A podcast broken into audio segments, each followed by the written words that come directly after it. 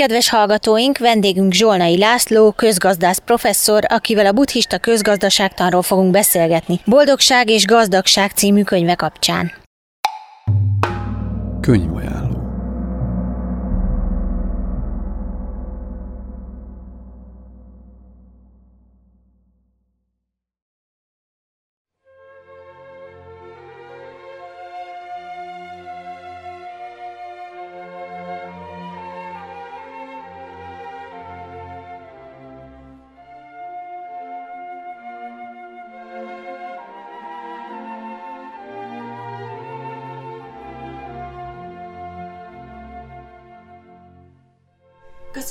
kedves hallgatókat! Itt ül velem a stúdióban Zsolnai László, akinek megjelent a Boldogság és Gazdagság, a buddhista közgazdaságtan eszmély című kötete, amiről ma beszélgetni fogunk. Köszönöm, hogy eljött. Nagyon szívesen. Szívesen meghallgatnánk azt a történetet, hogy hogyan lett a művészet iránt érdeklődő fiatal emberből közgazdász professzor, aki a buddhista közgazdaságtan hirdetője. Hát fiatal, fiatalként képzőművészettel foglalkoztam, festészet, szobrászat, festő szerettem volna lenni, és ezt egy kb. 16 éves koromig elég intenzíven műveltem. Aztán később valahogy megváltozott a, az érdeklődésem, és fokozatosan eltolódott a esztétika, etika, filozófiai dolgok iránt, még gimnazista korban, és egy huszárvágással mégis úgy döntöttünk, hogy egyetemre nem filozófia szakra megyek, mint ahogy terveztem, hanem, hanem kell, kell az etikához és az esztétikához, és a művészetekhez is egy komolyabb társadalomtudományi háttér, és végül is a Budapesti Közgazdaságtudományi Egyetemre kerültem. Ott is, ott is végeztem, 82-ben, és aztán úgy, úgy alakult a sorsom, hogy ott maradtam az egyetemen, és mai napig is ott, ott vagyok. Tehát ez volt a rövid, rövid, történet. Tehát közgazdaságtant végeztem, és annak vagyok a professzora, de nem ö, hagyományos szűk értelembe vett közgazdaságtan az, ami érdekel, és amit kutatok, és amit képviselek, hanem egy jóval tágasabb az etikát és az ökológiát is magában foglaló humanisztikus közgazdaságtan. A, a buddhizmussal a, a történetem röviden úgy nézett ki, hogy érdekes módon nem a spiritualitás, hanem a, a végülis a közgazdaságtan vitt közel a buddhizmushoz. A 70-es évek végén, 80-as évek végén még egyetemistaként ismerkedtem meg a, a Schumachernek a Kicsi Szép, Small is Beautiful című könyvével, ami akkor még nem volt meg magyarul, később mi fordítottuk le és adtuk ki. Ebbe a Kicsi Szép hát ez egy világsiker, egy nagy közgazdasági könyv. Ebbe, talál, ebbe találkoztam a buddhista közgazdaságtannal először, van egy nagyon szép fejezet erről a témáról, amit én elolvastam többször, tetszett, érdekelt, de megmondom őszintén, hogy először nem annyira nem ragadott meg, hogy, hogy ezzel hosszú távon kellene foglalkozni. Tehát volt egy ilyen beütés, a buddhizmus érdekelt, de, de nem volt meg az a végső lökés, ami, ami arra vitt volna, hogy akkor fejest ugorjunk ebbe a, ebbe a témába. És később, talán ez volt a kulcs esemény, egy jó tíz évvel később, a 90-es években találkoztam, és ez volt a döntő, a buddhizmusnak a, az anatta, a nem én, az éntelenség koncepciójával, ez hihetetlen módon megragadta a képzeletemet. Tudni, azért nagyon fontos, és ez a kulcsa talán mindennek, azért nagyon fontos ez a koncepció, mert a nyugati közgazdaságtan, aminek a professzora vagyok, és amit tanítunk és képviselnünk kell, az az énnek egy nagyon rigid, materialista, individualista fölfogásán alapszik, és a közgazdaságtan első számú axiomája, hogy mindenki tud, az az önérdek követés. Tehát a gazdasági cselekvés, sőt az ember élet minden területén az önérdeket kell maximalizálni. Ez a nyugati közgazdaságtan alaptétele. Én ezt soha se tudtam igazából elfogadni.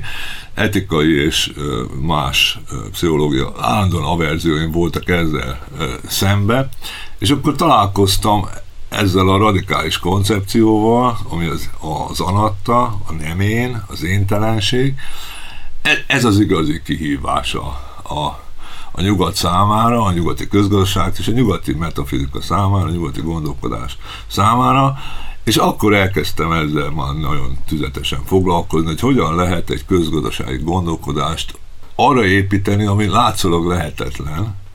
Tudjuk, az én az nem úgy létezik, mint ahogy a nyugati emberek, és nyugati fogyasztók, és a nyugati ember elképzeli, sőt lehet, hogy az én egyáltalán nem is létezik abban a formájában. Szóval ez volt a kulcs. Ez volt, ez volt a kulcs. Igenis lehetséges egy, egy koherens, etikus, ökológiára figyelő közgazdaságtant kiépíteni, közgazdasági gondolkodás fölépíteni a nem én fogalmára, és ez nem csak, hogy lehetséges, hanem szerintem ez rendkívül, rendkívül fontos és rendkívül ígéretes. Hát röviden ez volt a, az út a festészettől a, a buddhista közgazdaságtanig. Fest még egyébként? Ma már nem, ma már nem, majd még nem tudjuk, hogy később mi lesz. Ma már nem, azt kellett megfigyelnem, hogy sajnos, hogyha az ember nem nem foglalkozik napi szinten vizuális művészetekkel, akkor egyszerűen a, a képi a képi inspiráció és a képi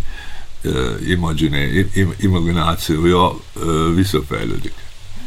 Tehát nekem sajnos ma, manapság absztrakt gondolataim tömkelege van, és kevés vizuális gondolatom van, tehát ahhoz, hogy az újra legyen, ahhoz azt, azt művelni kellene.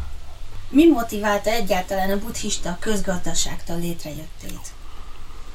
Tehát mikor és miért került használatba ez a fogalom? Tehát a, történetileg az, hogy buddhista közgazdaságtan, amit említettem, ez a Schumachernek a, a, a könyvében jelent meg először. Ezt ő alkotta meg ezt a fogalmat, Buddhist Economics, buddhista közgazdaságtan. Ő ugye egy angol közgazdász volt, aki az 50-es években, a 60-as években is, tehát több alkalommal ö, ENSZ, Világbank és más szervezetek szakértőjeként több évet töltött Indiába, de főleg Burmába és meg más buddhista országokban, és nyugati közgazdászként, nyitott emberként a helyi praxisokra nyitott módon ő fölismerte azt, hogy a buddhista kultúra, a buddhista közösségek által végzett gazdálkodás az valami eléggé más dolog, mint amit a nyugati racionalista, individualista, materialista modellek mondanak, és ő elég bátor és bölcs volt ahhoz, hogy ne azt próbáljuk, ne a nyugati modelleket próbáljuk erőltetni Burmába és más buddhista országokba, hanem esetleg próbáljunk tanulni a, a helyi gyakorlatokból, próbáljuk komolyan, vagy vegyük komolyan a, a, a buddhizmust, és nézzük meg, hogy ebből egy milyen gazdálkodás következne. Ez az alapkérdés, ez, ez az alapkérdés, tényleg mai napig ez az alapkérdés, ha a buddhista értékeket, főleg a buddhista etikát, ami nekem a közelebbi szakterületen, ezt komolyan vesszük, akkor hogyan kell gazdálkodni és élni. Ez volt a kiindulási, kiindulási, kiindulási pont, és ez eléggé népszerűségre tett szert nyugaton, nem csak azért, mert nyugaton a buddhizmus ebbe az időben, még 60-as évektől kezdve kezdett teret, teret nyerni Kaliforniába, Európába, hanem ez összekapcsolódott az, az egész zöld mozgalommal, a zöld mozgalom az alapvetően 80-as években indult, hát azt talán kevesen emlékszünk, hogy, vagy emlékeznek, hogy a, a De Grüne, a, a német zöld párt, ami első ilyen volt a világon, az 1982-ben alapították. Tehát a zöld mozgalom azért az elindult, és ez a buddhista közgazdaságtan érthető módon nagyon klappolt ezzel a zöld mozgalommal, meg más alternatív mozgalmakkal, és akkor ezt így föl, fölkarolták. Különben is egy jó dolog, hogy buddhizmus, ez egy jó kis érdekes dolog, akkor kis közgazdaságtan, és akkor ez így ment, ment előre. De aztán később ugye a keleti, a buddhista országokban is megindult ennek a, ennek a fölismerése és az ilyen típusú gondolkodás, és Tajföldön, Butánba és más országokban is megjelentek azok a gondolkodók, majd kitérünk rájuk, akik a buddhizmusból kiindulva eredetileg buddhistaként jutottak el a közgazdasági gondolkodás átértelmezéséhez.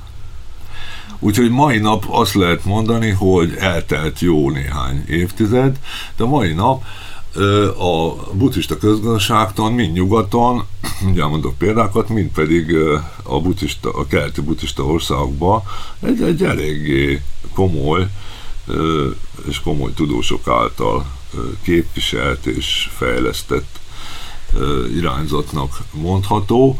Egyébként néhány héttel ezelőtt rendeztük meg Hongkongba a University of Hong Kong, ami a világ 20 legjobb egyetemének egyik, az ősi brit Hong Kong egyetem. University of Hong Kong az első buddhista közgazdaságtani világkonferenciát, ahol Amerikától, Európán át, ugye a, a keleti buddhista országokig részt vettek a legfontosabb nevek, a nagy nevek, szakértők. Ez egy 300 valány fős világkonferencia volt, és az, hogy mondjuk ezt a, a hongkongi nagy egyetem mel együtt rendeztük, azért ez, ez mutatja a, a dolognak talán a súlyát jelentőségét, és még egy dolog, a Berkeleybe, Kaliforniába én éltem ott és dolgoztam, University of California, Berkeley, ott, hát ugye Kaliforniában nagyon jelentős a, a buddhista jelenlét, és az egyetemen is vannak nyilván olyan professzorok, akik e, e, ezáltal úgymond fertőzöttek, és ilyesmiben gondolkodnak. Lényeg az az, hogy a Berkeley, Berkeley közgazdaságtan, ami hát a világon az első számú hat Nobel-díjasuk van, tehát csak a helynek a színvonalát akarnám jelezni, ott a Claire Brown professzor asszonynal, aki maga is buddhista, de közgazdász professzor, ővele közösen ö, megalapítottuk a New Yorkba a buddhista közgazdaság, angol nyelvű könyv sorozatot most már, ami a Pelgrimnél jelenik meg New Yorkba, úgyhogy azt gondolom, hogy, hogy mind keleten, mind nyugaton megfelelő szintre pozícionálva van ez a gondolkodási irány, és néhány évtized alatt hát beérett. Miben más a közgazdaságtan buddhista megközelítése, mint a többié? Hát a közgazdaságtan, a nyugati közgazdaságtan, amit mi közgazdaságtannak tekintünk, és, és úgy értjük, nyugati közgazdaságtan, ahogy már mondtam, egy végtelenül leegyszerűsített, radikálisan materialista és individualista világszemléleten alapszik.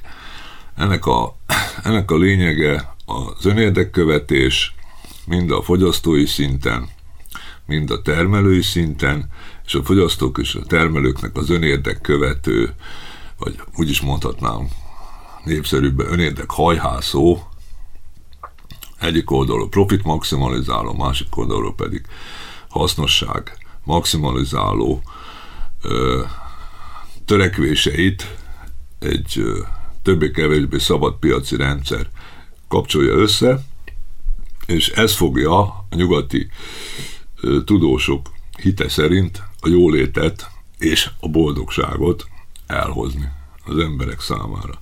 Na most ezzel nagyon súlyos problémák vannak, főleg ma, abba lépték be, hogy ez kifejlődött. Én csak kettőre utalnék. Az egyik dolog, nyilvánvalóan, amit mindenki tud ma, ma már, hogy ez a típusú gazdaság, ez olyan mértékben úgy hívjuk, azt mondjuk, hogy ökológiai túllövésben van, olyan mértékben túllépte a saját maga, saját maga számára adandó, vagy adott természeti kereteket, hogy ez a Föld teljes lerombolását veszélyezteti ma már. A, a klímakatasztrófa, nem csak egyszerűen klímaváltozás, climate catastrophe hívják, a klímakatasztrófának a lehetősége, akár nagyon közeli lehetősége itt van, ezt ez a gazdaság okozza, ez ezer módon van bizonyítva, a biodiverzitásnak az elképesztő mértékű lepusztítása, a legfrissebb nemzetközi tudományos jelentés szerint, ami a sajt, sajtóban is szerepelt Magyarországon is, közel egy millió fajnak a kipusztulása várható. Ezek olyan, olyan elképesztő veszteségek, amelyek nem csak pótolhatatlanok, hanem egyszerűen a földi ökoszisztéma összeomlását, annak a veszélyét mutatják. Ezt, az el, ezt a nyugati gazdasági fejlődés elmúlt tágasan véve 200 éve, szükebben véve utolsó 50 éve produkálta. És akkor ez még hagyján, hogy ilyen ökológiai, az ökológiai katasztrófa az ár, de a másik oldalon a, az igazi jólét, az egyetemes jólét és boldogság sem következett be, erre még vissza tudunk térni, de nagyon komoly közgazdasági, szociológiai, pszichológiai vizsgálatok mutatják azt, hogy a gazdasági növekedés maximum egy határig segíti elő a, az össz nemzeti jólét, vagy össznemzeti boldogságnak a fejlődését. Van egy olyan határ, és ez a határ viszonylag alacsonyan van, majd még erről beszélünk. A fölött ez már, hogy mi mondjuk counterproduktív, tehát, tehát ellenkező hatást vált ki. Nem igaz az, hogy minél magasabb egy országnak az egyfőjutó nemzeti jövedelme, annál boldogabbak ott az emberek. Ilyen alapon az USA-nak kellene a legboldogabb nemzetnek lenni a világon, és egyáltalán nem az. Minden statisztika azt mutatja, hogy egyáltalán nem az jó, hogyha a középmezőnbe helyezkedik el.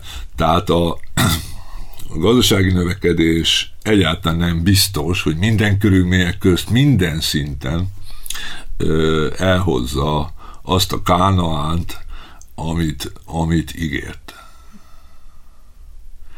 Ez a nyugati közgazdaságtan, és elő van szükség különböző alternatívákra, különböző alternatívákra, természetesen a buddhista megközelítés csak egy alternatíva, számos más lehetőség van, ökológiai közgazdaságtan, vagy, vagy keresztény, különböző Ferenc, Ferences, az Assisi Szent Ferenc és a Ferences lelkiség által inspirált közgazdaságtan, és számos más feminista közgazdaság, számos más alternatíva van. Én szerintem a buddhista közgazdaságtan, talán majd kiderül, az egyik legígéretesebb alternatíva, ami valamilyen megoldást tud kínálni az ökológiai pusztulás és a, és a boldogság hiány problémáira.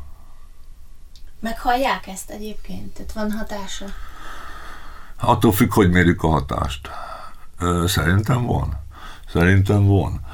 Egyik oldalról a, a buddhista, főleg a fiatal, fiatal buddhizmushoz közel álló, vagy buddhista hívők körében nagyon is van. Tehát fölnőtt egy olyan fiatalabb nemzedék, keleten is. Tehát például a hongkongi konferenciának ez volt egyik legnagyobb élmény, vagy, vagy siker, hogy fölnőtt egy olyan fiatal nemzedék Kínába például, ők már nagy részt nyugaton tanultak, Amerikába tanultak, úgy mentek vissza, kerültek vissza Kínába, akik keresik a gyökereiket, keresik a buddhista gyökereiket, megfelelő nyugati nyelvtudással, nyugati tudományos fölkészültséggel rendelkeznek, és, és, és rajonganak a ilyesmi dolgokért, de ugyanezt látom nyugaton is, hogy a buddhizmus iránt érzékeny emberek azért rájönnek arra, hogy attól, hogy meditálunk, és mindfulness, és nem tudom micsoda, attól még szétrold a világ. Tehát az nem elég. Az nem elég, hanem valami, valamit kellene csinálni.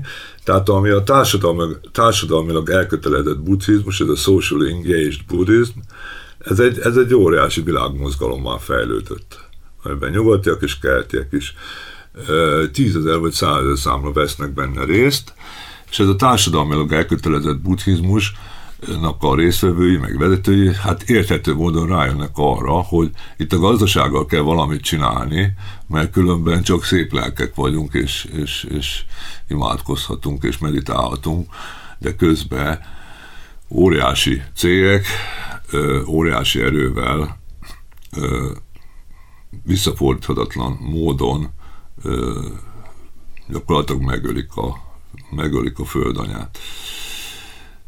Tehát én, én, én azt nem mondom, hogy bizakodom, vagy, hogy, hogy ő rájuk vajon hat-e? De kire? Ezekre a cégekre? Szerintem részben igen, részben nem. Az egyik dolog, hogy a mindfulnessnek hihetetlen népszerűsége van a, a vezető főáramú standard üzleti szervezetekben a legkülönbözőbb cégek, e, akár még olajvállalatok is, de, de a Boeing-től kezdve ilyen óriás cégek alkalmazzák a mindfulness különböző technikáit, de sajnos ez nem jelenti azt, ezt ők, ezt ők egy instrumentális eszköz szerűen használják, hogy a, az alkalmazottaknak a koncentrációját, meg jólétét, meg elkötelezettségét növeljék, de ez nem jelenti azt a legtöbb esetben, hogy ők meg akarnák változtatni azt a vállalati praxist, ugye, ami tönkreteszi a Földet, ami teljesen ellentétes a buddhizmus minden eszméjével. Ugye? Tehát ez nem biztos, hogy ez, ez egy ígéretes út. Egy másik út, hogy vannak olyan nagyon komoly vállalkozások, mind Amerikában, mind Európában, mind távol-keleten, amelyek buddhista meggyőződésből kiindulva egy más típusú gazdálkodást folytatnak. Egy példát hagyd mondjak, ami szerintem fantasztikus. Fiatal gyerekek, fiatalok, fiatal üzlet, üzletemberek meg. És Hongkongban a következőt csinálták. Hongkongról tudni kell, hogy a, a húsfogyasztásban, az egyfőre jutó húsfogyasztásban a Hongkong a világon az első. Most ez, ez eléggé problematikus. Tehát egy olyan helyen vagyunk, ami a húsfogyasztás, egyfőre jutó húsfogyasztásban a top. Ezen a helyen történik a következő, kb. tíz évvel ezelőtt fiatalok úgy mondanám, lányok és fiúk, ma már érett komoly üzletemberek, elhatározták, hogy ők szeretnék megváltoztatni, először kicsibe, aztán talán nagyobba, Hongkong lakosságának a húsfogyasztási szokásait bevezetni Hongkongba üzleti alapon a, a vegetáriánus és a vegán táplálkozás. De még egyszer olyan helyen vagyunk, ahol elképesztő mértékű húsfogyasztás. Ez egy reménytelen dolognak tűn, tűnt, vagy tűnhetett. Green Monday a cégnek a neve, és ők elkezdték vegetáriánus és vegán kis éttermekkel, illetve az volt ez a szlogenjük, hogy Green Monday, hogy legalább egy napon, hétfőn ne egyenek húst a hongkongiak. Ezzel indultak. Ez egy nagyon szép történet, üzletileg is, spirituálisan is minden. Mára elérték azt, mára elérték azt, hogy Hong- Hongkongban az embereknek 10%-a, de hát ez egy sokmilliós nagyváros. Ezen a helyen 10 év alatt el lehetett azt érni, hogy több mint 10% a vegetáriánus lett. És, és a Green Monday, tehát ez a cég, és hát hozzá kapcsolódó számos mozgalom el tudott érni egy vegetáriánus forradalmat Hongkongba, ami még egyszer mondom, nyugati országban nem tűnhet akkora számnak, de ott ez óriási, tényleg reménytelenül indultak, és egy fantasztikus sikert értek el.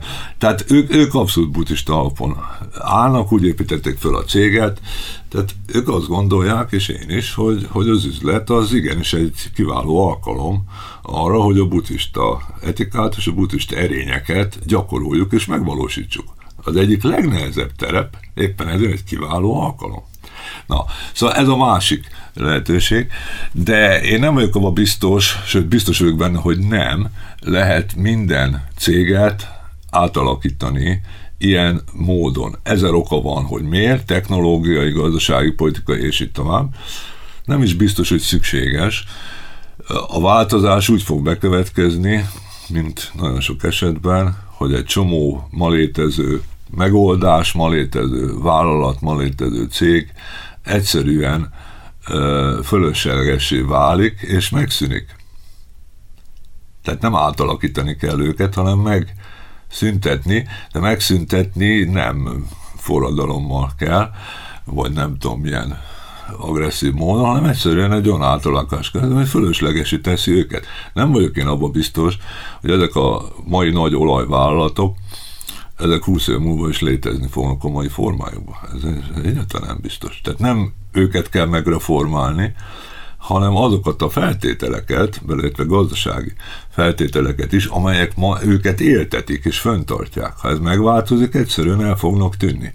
A, én amikor először repültem Amerikába, 25 évvel ezelőtt, vagy talán több is, majdnem 30 évvel ezelőtt, de a hallgatók nem is emlékeznek rá, talán a Pan Am, Pan American Airlines, Pan Am légitársággal repültem.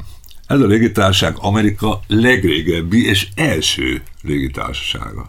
1990-ben én ezzel repültem San Franciscóba, amikor egy év múlva visszajöttünk, már ez a légitárság nem létezett. Tehát a, legősibb, az Amerika szimbóluma volt a penem.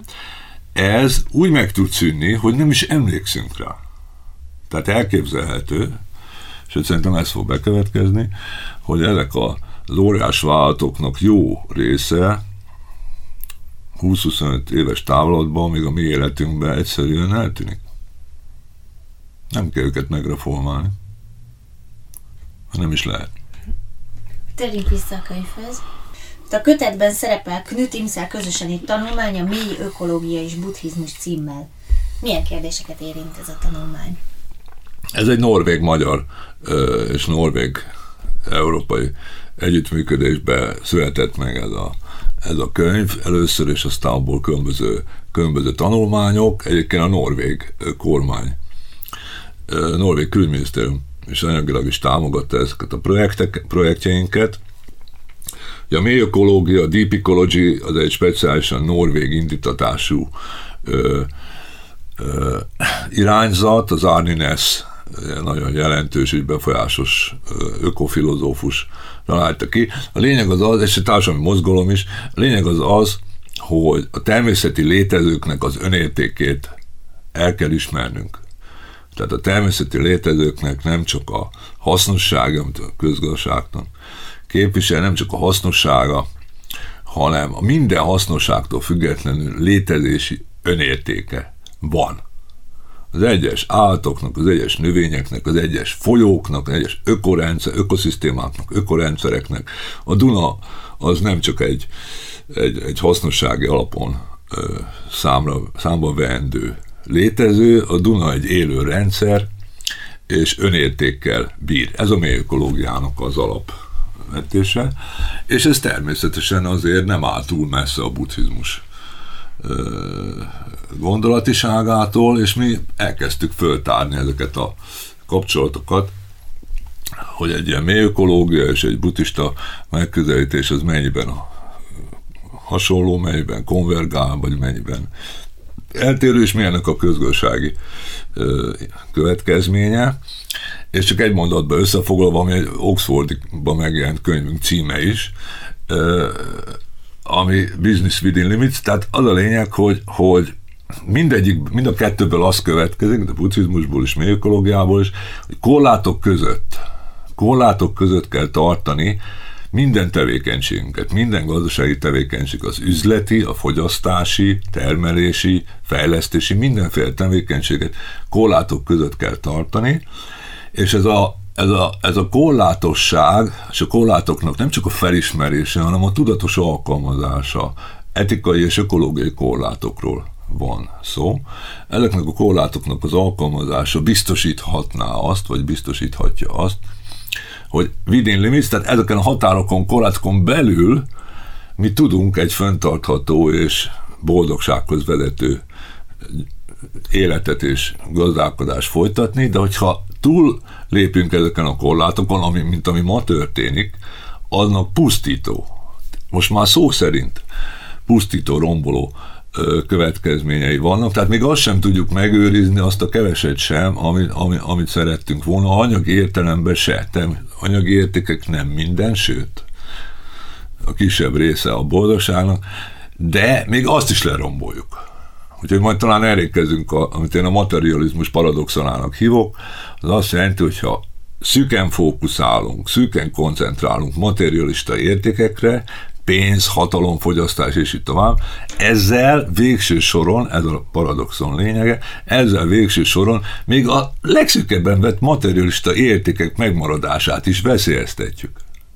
Tehát a materialista értékeket akarjuk megőrizni, akkor egy nem materialista, meglátjuk, egy nem materialista gyakorlat és és világszemlélet alapján kell állnunk, ezzel tudjuk egyáltalán megőrizni a materialista értéket. Tiszta mat, egyébként ez kőkemény pszichológiai tétel, és ez nagyon komoly bizonyítása van a pszichológiában, hogy a materializmus hogy semmisíti meg önmagát. Hát a materialista értékorientáció megsemmisíti önmagát, és nem csak a boldogtalansághoz, és ökológiai pusztuláshoz, önmaga a pusztításához is vezet. Tehát én ezt, ezt tartanám a legfontosabbnak. Egy másik tanulmány a tiszteletre méltó Praprajud Arjankura Brahmaguna Bonpajutó, Középút a piacgazdaság számára című munkája, aki a buddhizmus tanításai alapján vizsgálja a gazdaságot alakító alapvető hozzáállásunkat. Ez számunkra nagyon érdekes fejezet, nem csak mert egy magasan elismert a szerzetes gondolatait tartalmazza, hanem a buddha tanításait is, úgy, ahogyan csak kevesekhez jut el. Az ön számára mi ennek a fejezetnek a legfontosabb gondolata? Hát Pajutó egy, egy nagyon jelentős gondolkodó, és egy nagyon befolyásos, és egyben nagyon újító buddhista filozófus, akit nagyon érdekel a gazdaság, és hát nagyon eredeti eszméi vannak, meghökkentő eszméi vannak a gazdálkodásra. A, én, én a következőt emelném ki, az egyik az konvencionális, a másik pedig szerintem, főleg nyugati szemben nagyon meghökkentő, de annál izgalmasabb. Ugye ő különbséget tesz a buta tanításai alapján a, most leegyszerűsítem, a vágyak és mondjuk a szükségletek között tehát azt javasolja, és ez a nyugati világ számára elfogadhatatlan, vagy nagy mértékben elfogadhatatlan, főleg a nyugati közgazdaságtan számára. A nyugati közgazdaság számára minden egyes, amit mi úgy mondjuk, hogy vágy, vagy igény, az legitim abban az esetben, hogyha fizetőképes kereslet áll mögötte. Ha van pénzed az, hogy a, a, azt megvegye, ezáltal senki nem kérdőlezheti meg a te vágyaidnak a, a, a jogosságát, vagy legitim jellegét. Ez buddhista alapon elfogadhatatlan, mondja a pajutó, és meg kell különböztetni a reális szükségleteket a, a nem reális, vagy képzelt, vagy ártó ö, vágyaktól. És ő azt mondja, és leegyszerűsítem, ő azt mondja, hogy, hogy ezeket a nem reális nem szükségletekre irányuló vágyakat, ezeket kontrollálni kell, ezeket meg kell tagadni, ezeket redukálni kell, és ez vezet egyrészt az egyén boldogságához és kiteljesedéséhez, másik oldalról pedig a bék, az ökológiai megőrzéshez és a békéhez. Ez viszonylag konvencionális buddhista gondolkodás, de ilyen formában ő nagy erővel tudja ezt, tudja ezt képviselni. Na most ebből az következik, és ez a radikális eszméje, az következik, és én teljesen egyetértek, hogy a nem fogyasztás és a nem termelés az sok esetben racionális dolog, sőt racionálisabb dolog, mint a fogyasztás és a termelés, tehát a nem termelés, ha valamit nem csinálunk meg, valamit nem fogyasztunk el, ez sok esetben jobb, mint hogyha azt megtermelnénk, és vagy elfogyasztanánk. Na most ez egy nyugati közgazdaságtan számára egy, egy, egy botrány, botrány természetesen, én viszont teljes mértékben egyetértek vele. Ö, tehát igenis, Pajuta azt mondja, és mi is azt mondjuk, hogy a fogyasztásnak a csökken, legtöbb esetben a fogyasztásnak a csökkentése, nem a növelése, hanem a csökkentése. Természetesen szelektív módon, differenciált módon való csökkentése, ez kívánatos. Ez kívánatos. Kívánatos ökológiai szempontból, és kívánatos a társadalom szempontjából, és kívánatos az egyén szempontjából is. Azt gondolom, hogy azért ma ezt viszonylag könnyebben be lehet látni. Minden, amit nem fogyasztunk el, tehát amit nem fogyasztás, az biztos, hogy nem járul hozzá a légköri CO2 kibocsátáshoz. Tehát amit nem fogyasztunk el, az biztos, hogy nem járul hozzá a föld légkörének az elpusztításához. Amit nem termelünk meg, az biztos, hogy nem járul hozzá a légkörnek, és ezáltal a föld egészének a veszélyeztetéséhez. Ha nem megyünk el, most viccelek tényleg, de ha nem repülünk el New Yorkba, az szerintem nagyszerű dolog. Az egy nagyszerű dolog nem repülünk el New Yorkba, azt a CO2 kibocsátást biztos, hogy megspóroltuk a Földnek, és magunknak is. Hogy mondjak egy példát, Cambridge-be is tanítottam, meg Oxford, és Cambridge diák élő történt, ez megtörtént. Cambridge diákaim azt mondták, hogy mi a jó élet, beszélgettünk, mi a jó élet órán. Minden, ezt mondták, soha nem felejtem el, minden második hétvége, ez Cambridge, Anglia. Minden második hétvégén, hétvégén New Yorkba bulizni. Bulizunk. Ez a jó élet. Na most én azt mondom, hogy gyerekek álljatok meg. Azon komplet hülyeség.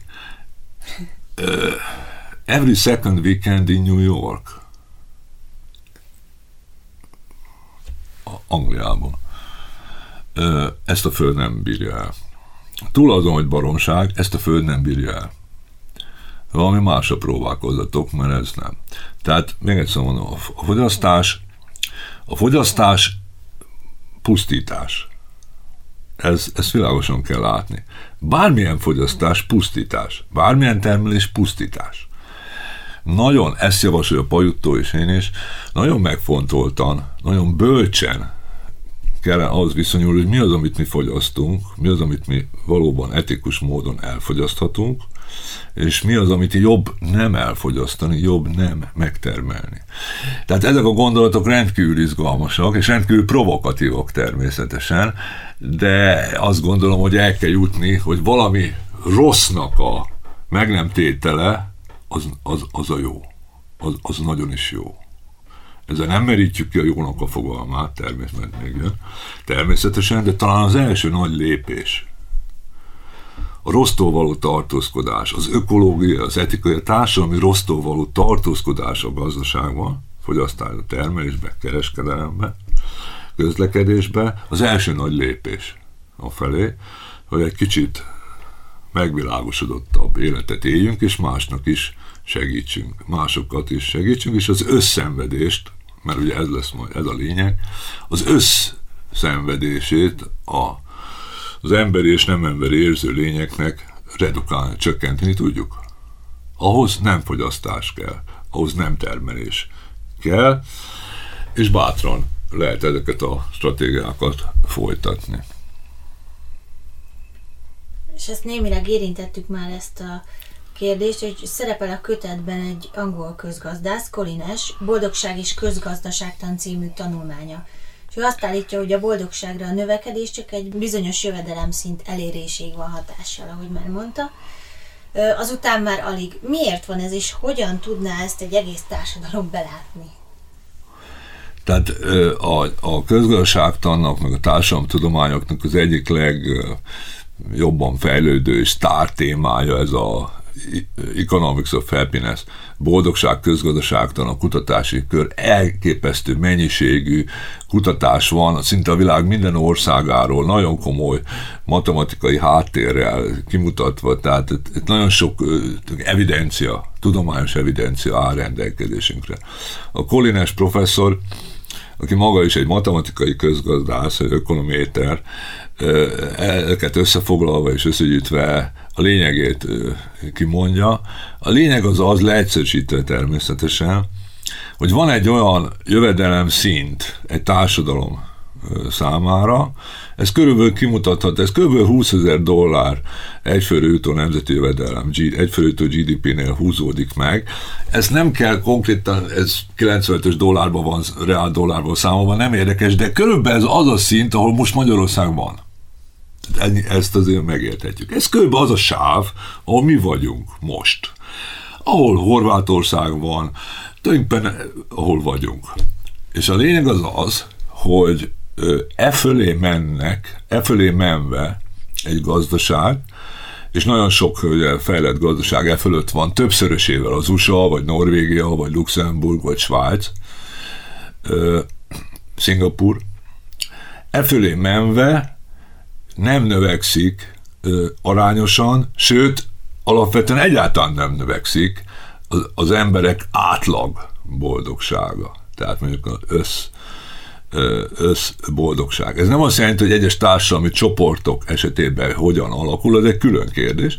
Az egészre, az egész nemzet, az egész társadalomnak a boldogság szintje nem növekszik attól, hogy 20 ezer dollárról 40 ezer dollárról mondjuk megduplázzuk, vagy megtriplázzuk, mint az USA-ba, az egyfőjtől nemzeti jövedelmet. Tehát sok mindentől várhatjuk a boldogság javulását, vagy fokozódását, vagy fejlődését, de ettől biztos, hogy nem. Ez nem fog el. Más elhozhatja, de ez nem.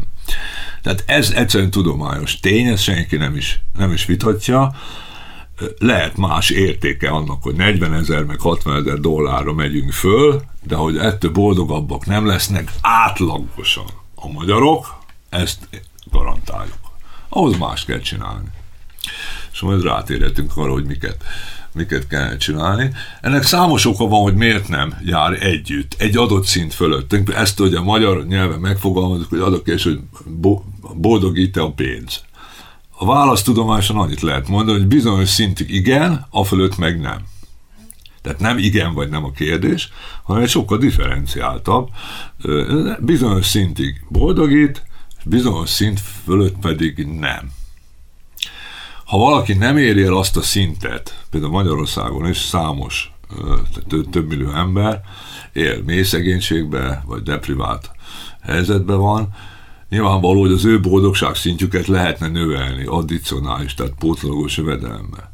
De aki e fölött van, annak nem fogjuk növelni tudni több jövedelem adásával a, a, a, boldogságát és a megelégedését.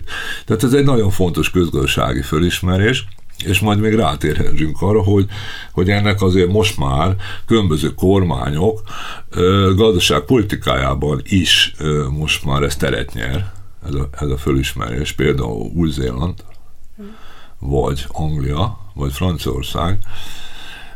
Tehát mondjuk le arról az álomról, hogy minél gazdagabbak leszünk, annál boldogabbak leszünk. Ez nem így van. Igen, gyakran hozzuk itt a rádióban is példának Butánt, ahol eszményen megvalósul a buddhista közgazdaságtan is. Kérdés az, hogy próbálják-e más országok követni ezt a jó példát, és ha igen, milyen sikerrel, hogyan, és ha nem, akkor mit gondol, hogy miért nem? Hát egyrészt Bután az tényleg egy nagy, nagyon szép példa. Én magam is a Magyar Butáni Társaság alapító tagja vagyok, és szoros kapcsolatunk van a butáni vezet kormányon is, és részt veszünk projektekbe, évente többször közülünk két-három alkalommal és hosszabb időt kint tartózkodnak. Tehát szoros élő kapcsolat van Butánnal.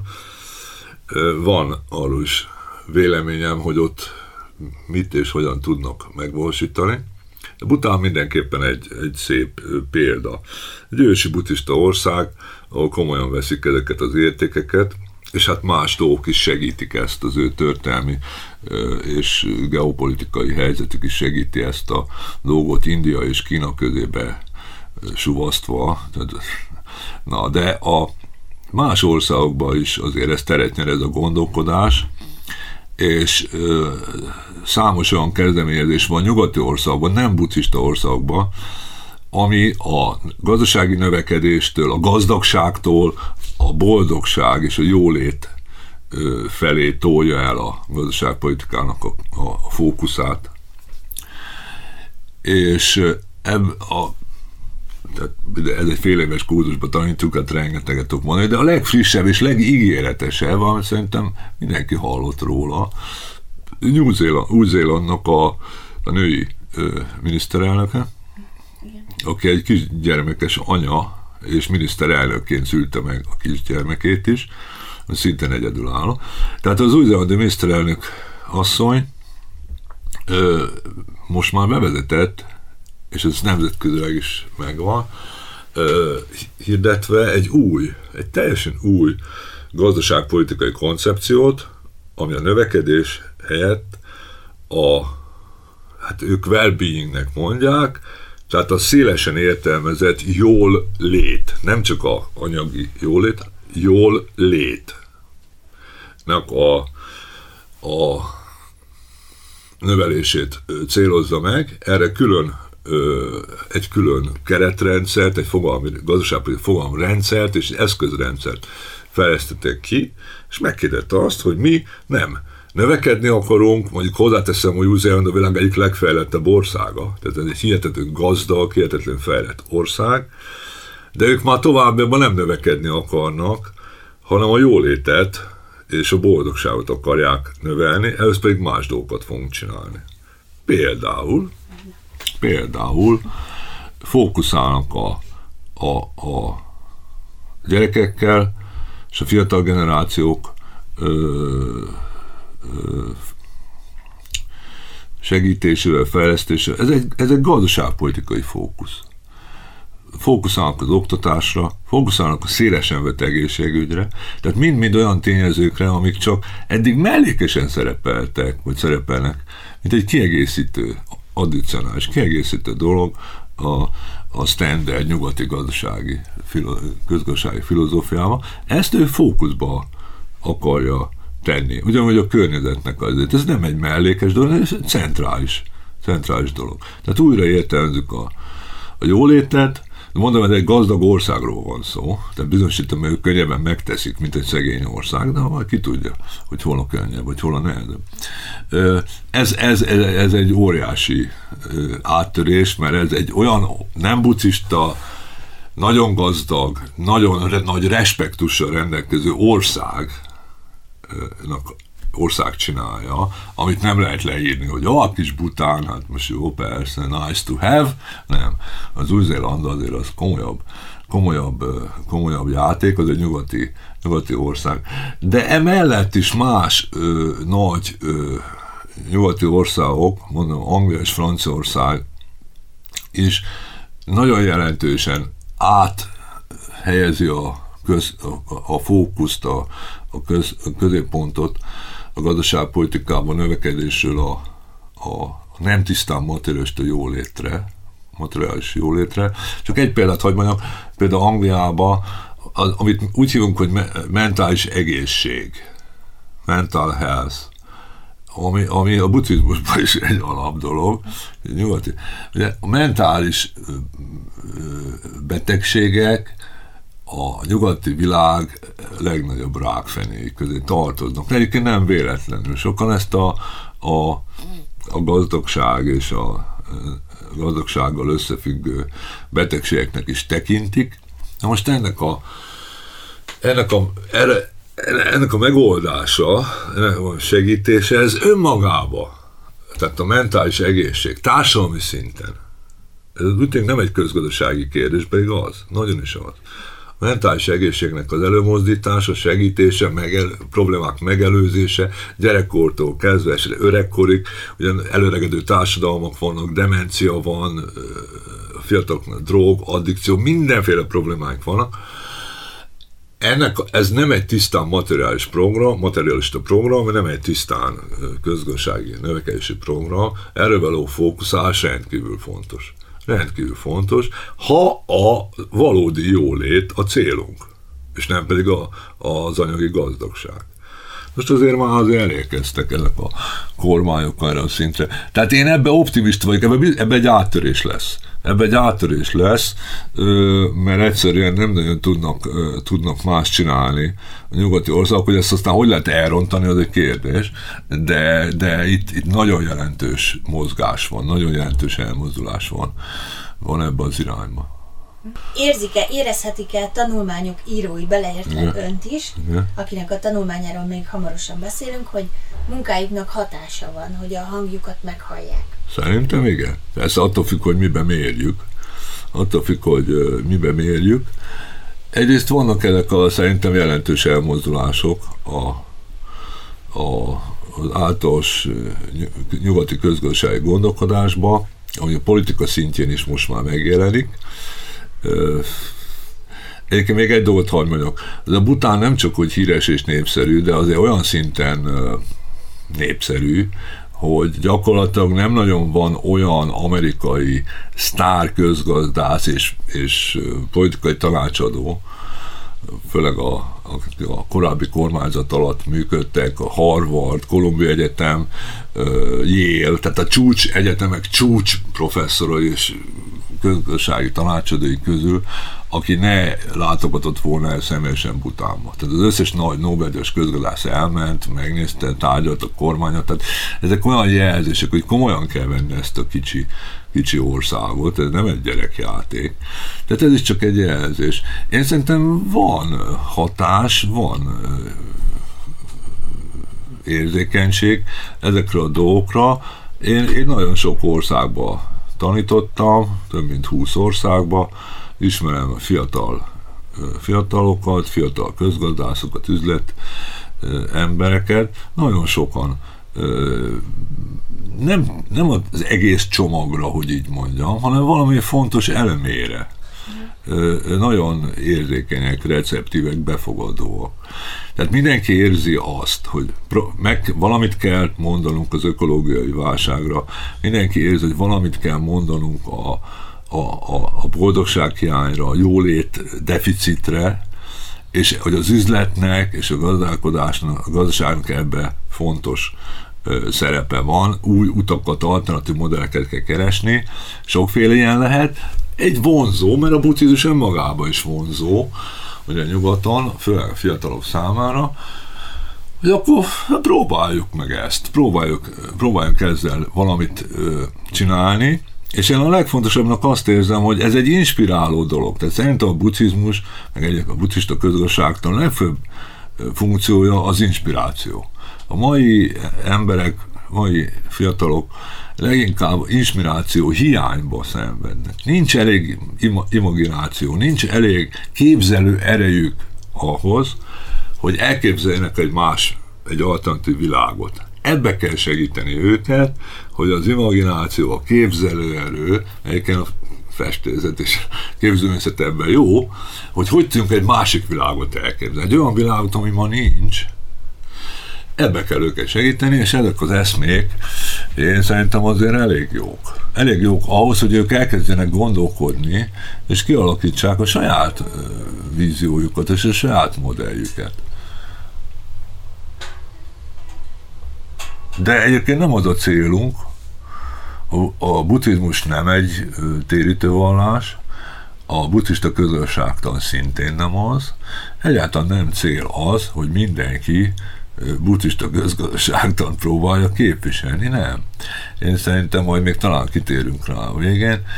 Ez egy opció, egy ígéretes, szerintem izgalmas, izgalmas opció, de számos más lehetőség van emellett. Lényeg az az, hogy a buddhisták elég jól együtt tudnak működni, más, nem buddhista alternatív gondolkodó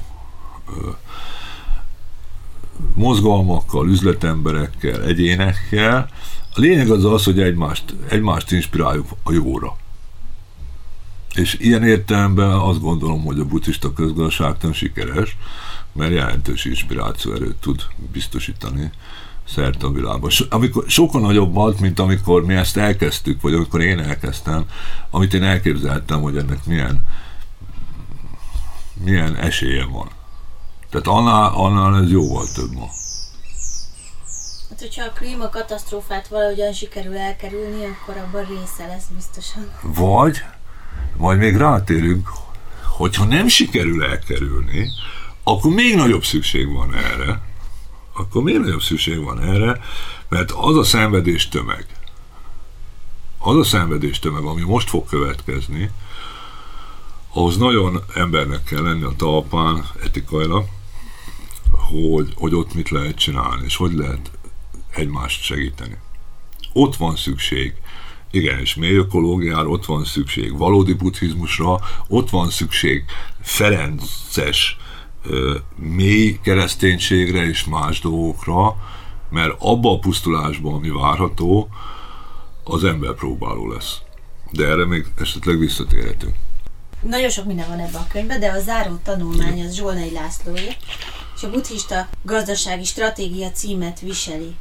Miről szól ez az írás, és mit tehet a jelen körülmények között valaki, aki a buddhista közgazdaságtan szellemében kíván élni és cselekedni? Tehát én nekem az a fölfogásom, hogy a buddhista közgazdaságtan az nem egy nem egy rendszert akar kiépíteni. Tehát nem arról van szó, hogy, hogy legyen egy, egy, egy buddhista gazdaság, egy, egy Kaliforniába, és itt tovább. Szerintem egyik oldalon több, másik oldalon kevesebb, amit, amit akarnánk. Én szerintem a buddhista közgazdaságtan az egy stratégiát javasol. Egy stratégiát javasol, egy, úgy is mondom, egy probléma megoldó módszer tulajdonképpen, amit bármikor, szerintem ez egy univerzális ebben az értelem. Ez egy univerzális probléma megoldó módszer, bármilyen gazdasági vagy társadalmi problémát meg lehet oldani egyéni, szervezeti vagy társadalmi szinten, ö, meg lehet közelíteni ilyen módon. Tehát ezt azt ne csináljuk, hogy azért nem akarunk ilyesmi dolgokat megvalósítani, mert még nem jött el az ideje. Az ideje az már rég eljött, az itt és most. Itt és most van az ideje. Nem kell nekünk arra várni, nem kell nekünk arra várni, hogy ö, valamelyik országba kialakuljon egy komplet buddhista gazdálkodás, és akkor majd mi is ezt fogjuk csinálni. Ez egy független, tehát ez egy nagyon fontos szerintem. Ugye bárki lehet buddhista anélkül, hogy a többiek buddhisták lennének. Ez nagyon fontos, mert ez nem minden vallásban van így. Ez egy, ez egy ilyen értem, független stratégia. Ezeket meg lehet valósítani mindenkitől függetlenül. Nem kell nekem várni azt, hogy ön ezt, ezt kövesse. Vagy én, én egyedül is meg tudom csinálni, mások is egyedül is meg. A többiektől függetlenül meg lehet csinálni. Ez egy ilyen értelme. Erre van a probléma megoldó stratégia. Megvan néhány fontos alapelv, amit, amit szem előtt kell tartanunk, és azt kell az adott helyzetbe, vagy lehet az adott helyzetbe alkalmazni. Mondja, mondok majd példákat, de a legfontosabb etikai, buddhista etikai ugye, alapelvek, amit követnünk ajánlatos, ajánlatos, hogy a legfőbb cél a szenvedések, minden érző lény szenvedés csökkentése. Tehát a szenvedés csökkentése. A ahimsa erőszakmentesség. Két centrális érték. Ez mondja, hogy lehet megvalósítani. Konkrét esetekben. A természeti és más lények, ember és természeti lények önértékiségének az elismerése. Az önzetlen, mások önzetlen segítése, altruizmus, ezek azok a legfőbb etikai elvek, amiket kéne követnünk ez úgy tűnik, hogy ezek a hihetetlen magasztos elvek, és ezeket nagyon nehéz, vagy szinte lehetetlen megvalósítani gazdasági helyzetekbe. Én meg azt gondolom, hogy ez nem így van. Kreativitásra van szükség, képzelőerőre van szükség, és ezeket igenis meg lehet valósítani. Mondok konkrét példákat.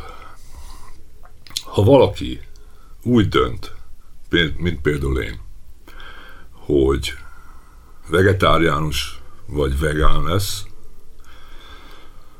Az én esetemben ez kb. 15 évvel ezelőtt volt. Ezáltal az egyetlen egy döntésével, egyetlen egy döntésével az ökológia lábnyom más, ugye, állatok érzőlény szenvedését csökkentése olyan szinten tudja redukálni az ártást, ami elképesztő. Hát erre konkrét számításunk meg, mennyivel tudjuk redukálni. Csak ezzel az egyetlen egy döntés. Van egy másik típusú lehetőséget. Ezek példák. Én 30 évvel ezelőtt úgy döntöttem, hogy nem használok többé, nem birtoklok autót. Nincsen autónk. Nincsen autónk. Én az egész világot, egész világot, a fél világot bejártam, Kaliforniától, nem tudom, Norvégiáig és Izraelig és máshol, autó nélkül. Én mindent tanítottam, autó nélkül. Meg lehet oldani. Meg lehet oldani. Autó nélkül élni, tudom, hogy sokan azt mondják, hogy lehetetlen, bizonyos mértékig lehet, hogy lehetetlen, de mégis lehetséges. Autó nélkül élni, ez egy, azt szoktam mondani a hallgatóinknak is, hogy ez egy szervezési alapelv. Tehát ez nem egy fix dolog, ez egy szervezési alapelv. Ha én eldöntöttem, hogy autó nélkül élek, akkor én úgy szervezem meg az életemet. Én úgy választom ki a lakást, úgy, úgy, úgy, úgy szervezem meg a munkámat, és itt tovább bárhol, Oxfordban bár tanítunk, vagy élünk, bérünk lakást, úgy választom a lakást, hogy nem lesz autóm. Kaliforniában úgy választom. Tehát ez egy szervezési alapel. Nem azt mondom, hogy, hogy könnyű, és még azt sem mondom, hogy a középutat kell képviselni, azt sem mondom, hogy, hogy én esetemben az, hogy nem. De, de elfogadható természetesen, egy, egy proper use-nek hívjuk, egy megfelelő használata ennek a technológiának. Ha lett valakinek autója, az a kérdés, hogy mennyit használja egy évben. Amikor még volt autónk, egy évben használtuk 2000 kilométert. Lementünk a Balatonra, meg visszajöttünk egy pár. Ennyi volt a használat. 2000 kilométert lehet használni az autódat, de 20 ezeret, 40 ezeret, 50 ezeret már nem. De nem baj, ha valaki az autót nem tudja leadni, akkor adjon föl mást. Tehát valamit valamiért. De az, hogy hogy se nem akar vegetáriánus vagy vegán lenni, de még autót is akar használni, és én sem, nem tudom. És még minden szek második hétvégén New akarunk, na ez az, ami nem működik. Tehát számos dologról, hogy a nem fogyasztás, a nem termelés, számos dologról le tudunk úgy mondani, hogy az előnyös a Földnek, az, az, az segít a Földnek, segíti a mi jólétünket, a boldogságunkat, és segíti más lényeknek az életét. Ez egy win-win-win-win. Ez egy győzt, győztes, győztes, győztes, győztes győztes játszma. Hagyjuk még egy példát. Ez a norvég professzor barátommal történt, a Knut Imsz, akivel együtt dolgoztunk. Ő eldöntötte tizenvalány évvel ezelőtt, hogy ő lemondja, ez Norvégia, nagyon drága minden, ugye, ő lemondja a tévé előfizetését, mert ez a mocsok nem kell. Ő lemondja. Ezzel megtakarított annyi pénzt, tehát ő megszabadult a mocsoktól. Ezzel megtakarított annyi pénzt, tehát a nem fogyasztás, hogy e- megtakarított pénzből ő évente két, két kisgyereket a Fülöp-szigeteken tud tanítatni. Nem tudom, hogy értető. Igen. Én nem fogyasztok egy mocskot, ezzel pénzt takarítok meg, és a két kisgyerek a Fülöp-szigeteken ebből tanul. És ezt csinálja 15 éve.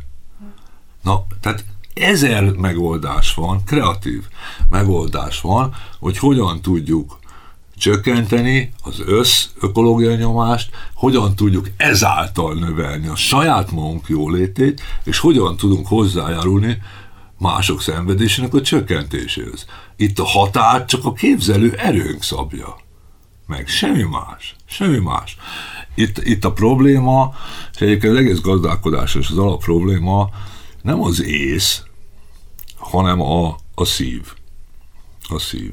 A motiváció akarni kell a jót, ezen is persze vita van, mi az, hogy jó, világos, de azért alapvetően kirajzolódik, hogy mi az az irány, az a trajektória, az az irány, ami, ami, ami a jó. Buddhizmusban egyértelmű, hogy melyik az az irány, mi az az irány, ami az etika és a jó. Ha ez megvan, az ész megvan. Ezt kell összekapcsolni kreatív módon, mi, gyakorlatilag szinte mindenre tudunk megoldást találni, ha akarunk.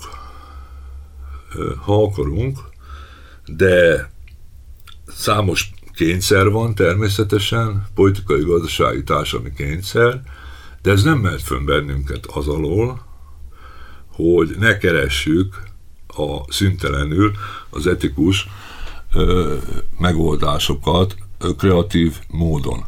A nagy költőnk, ugye a Nagy Lászlónak volt egy nagyon szép sora, amikor azt mondja, teljesen más kiindulásból, hogy azt mondja, műveld a csodát, nem magyarázd. Műveld! Én azt mondanám, hogy művelni kell, csinálni kell az etikát, csinálni kell a jót, nem pedig, nem pedig spekulálni róla, és ezer és ezer lehetőség van itt Magyarországon, Kaliforniában, Butánban vagy Hongkong, bárhol, hogy ezeket az eszméket igenis kreatív módon megvalósítsuk. Csak a képzelőerő és a szív a korlát. Nem merítettük ki ezt a könyvet, még rengeteg minden van benne, rengeteg meglepetés, meg értékes tanulmány tartalmaz.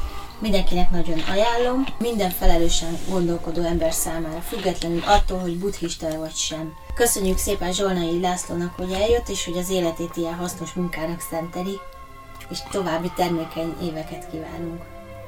Jó, köszönjük szépen!